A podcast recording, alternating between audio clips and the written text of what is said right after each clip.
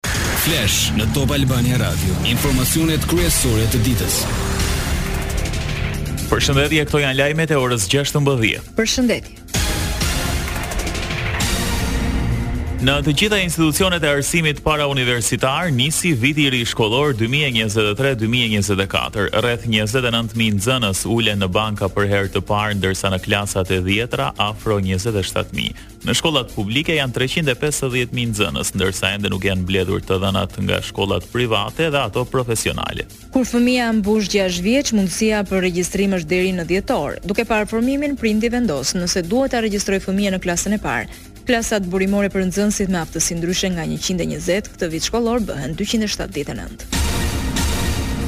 Këtë vit risi është se të gjithë nxënësit nga klasa e parë në të tretë Tekstet i kanë falas me vetëm një përdorim. Kjo do të thotë se nxënësit nuk e kanë detyrimin që në fund të vitit shkollor t'i dorëzojnë tekstet. Tekste falas përfituan të gjithë nxënësit e arsimit bazë nga klasa e parë deri në të nëntën si dhe gjashtëmbëdhjetë kategori me nevoja të veçanta në arsimin e mesëm.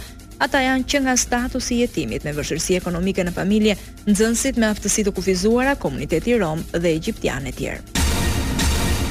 Kuvendi miratoi dekretet e presidentit Bajram Begaj për shkarkimin dhe emërimin e ministrave të rinj. Në një seancë plenare, e cila zgjati pak minuta, u shkarkuan ministret Olta Xhaçka, Ogerta Manastirliu, Evis Kushi, Frida Krifca, Edona Bilali dhe Milva Ekonomi. Gjithashtu, Kuvendi miratoi Manastirliun ministre e Arsimit, Igli Hasanin, ministër për Evropën dhe Punët e Jashtme, Ervin Meten, ministër për Ekonominë dhe Financat, Anila Denajn, ministre e Bujqësisë, Albana Koçiu, ministre e Shëndetësisë dhe Arbian Mazniku, ministër për Pushtetin Vendor. Ka përfunduar mbrojtja për inceneratorin e Fierit, ndërsa vendimi do të shpallet më njëzet e pesë shtator, ora dhjetë. Njëzet e një të akuzuar, shumica e tyre përfaqësues kompanish dhe shoqërish tregtare, nën akuzë për mashtrim dhe falsifikim dokumentesh. Ish-ministri Lefter Koka, një prej të akuzuarve, ka kërkuar pafajësi dhe heqje konfiskimi. Ai pretendoi se po akuzohet pa fakte penale dhe prova. Më herët, mbrojtjen e ka kryer dhe ish-sekretari i Përgjithshëm, Alqi Bllako, i cili gjithashtu u vetëdeklarua i pafajshëm. GJKKO caktoi datën katërmbëdhjetë shtator për seancën e parë ndaj Fredi Belerit, i akuzuar nga SPAK-u për blerje votash. Beleri u arrestua më dymbëdhjetë maj, dy ditë para zgjedhjeve lokale për korrupsion pasiv në zgjedhje kryer në bashkëpunim. Arrestimi i tij ka shkaktuar përplasje diplomatike me Greqinë, e cila ka kërcënuar Shqipërinë me integrimin e vendit në BE. Prodhuesit e bukës po përballen me mungesë të theksuar të fuqisë punëtore në pamundësi të zgjidhjes për plotësimin e vendeve të lira me vendas Pavarësisht përpjekjeve të vazhdueshme të industrisë që me rritjen e pagave, furrat dhe pastiçeritë e vendit, janë duke shqyrtuar mundësitë e punësimit të të huajve nga vendet aziatike dhe të rajonit, në vend operojnë tetë mijë deri në dhjetë mijë furra buke apo pastiçeri. Lajme nga rajoni. Në Shkup po mbahet samiti i radhës i Bërdo-Brijunit gjatë të cilit shtetet pjesëmarrëse do të rikonfirmojnë angazhimin për forcimin e bashkëpunimit rajonal, zgjidhjen e çështjeve të hapura dhe përparimin drejt integrimit në BE. Shqipëria përfaqësohet me presidentin Begaj, procesi është një nismë slloveno-kroate e ndërmarrë në vitin dy mijë e dhjetë nga Borut Pahor, Në atë kohë kryeministër i Sllovenisë. Lajme nga bota. Sot mbushen njëzet e dy vite nga sulmet terroriste në Amerikë në New York pranë Uashingtonit dhe në Pensilvani. Në total, dy mijë e nëntëqind e shtatëdhjetë e shtatë njerëz, pa përfshirë nëntëmbëdhjetë rrëmbyesit e avionëve, vdiqën ndërsa mijëra të tjerë u plagosën. Al-Qaeda, që atentatet i planifikoi nga Afganistani, fajësonte Amerikën për shumë nga problemet e botës.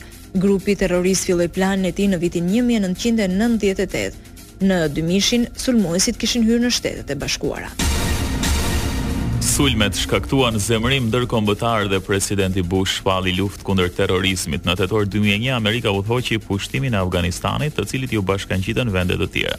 Në atë kohë, Afganistani qeverisej nga talebanët, aleatë me Al-Kaedën. Talebanët u larguan për t'u rikthyer në pushtet pas njëzet vitesh në gusht dy mijë e njëzet e një me tërheqjen e trupave ndërkombëtare nga territori afgan. Lideri i Koresë së Veriut, Kim Jong-un ka nisur udhëtimin e tij për në Vladivostok, ku pritet të takohet nesër me presidentin rus Vladimir Putin. Treni, të cilin e përdor Kim për vizita jashtë vendit, Besohet se është larguar nga Phenjani. Nëse realizohet samiti me Putin, ai do jetë i pari për liderin koreano-verior pas më shumë se katër vjetësh. Prej shpërthimit të pandemisë së koronavirusit, Kim Jong-un nuk ka dalë nga shteti. Sport. Fitorja e mbrëmshme me Poloninë përveç entuziazmit, më se të justifikuar për pjesën që na afron më shumë me europianin e vitit të ardhshëm në Gjermani, shënohet edhe për momentet historike. Për herë të parë Shqipëria e futbollit është në krye të grupit pas pesë ndeshjesh. Me 10 pikë, ne jemi të parët në grup me dy më shumë se Çekia, një ndeshje më pak dhe po dy më shumë se Moldavia.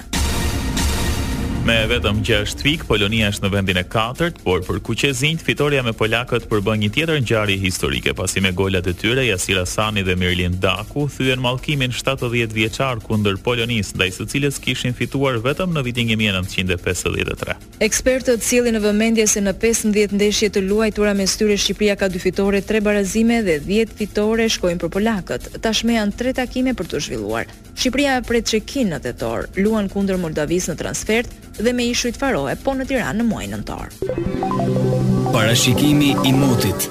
Vendi ynë do të ndikohet nga kushte të qëndrueshme atmosferike, kjo falë depërtimit të anticiklonit afrikan shoqëruar me masa ajrore të nxehta dhe relativisht të thata. Moti parashikohet i kthjellët, teksa temperaturat luhaten nga trembëdhjetë në tridhjetë e pesë gradë Celsius.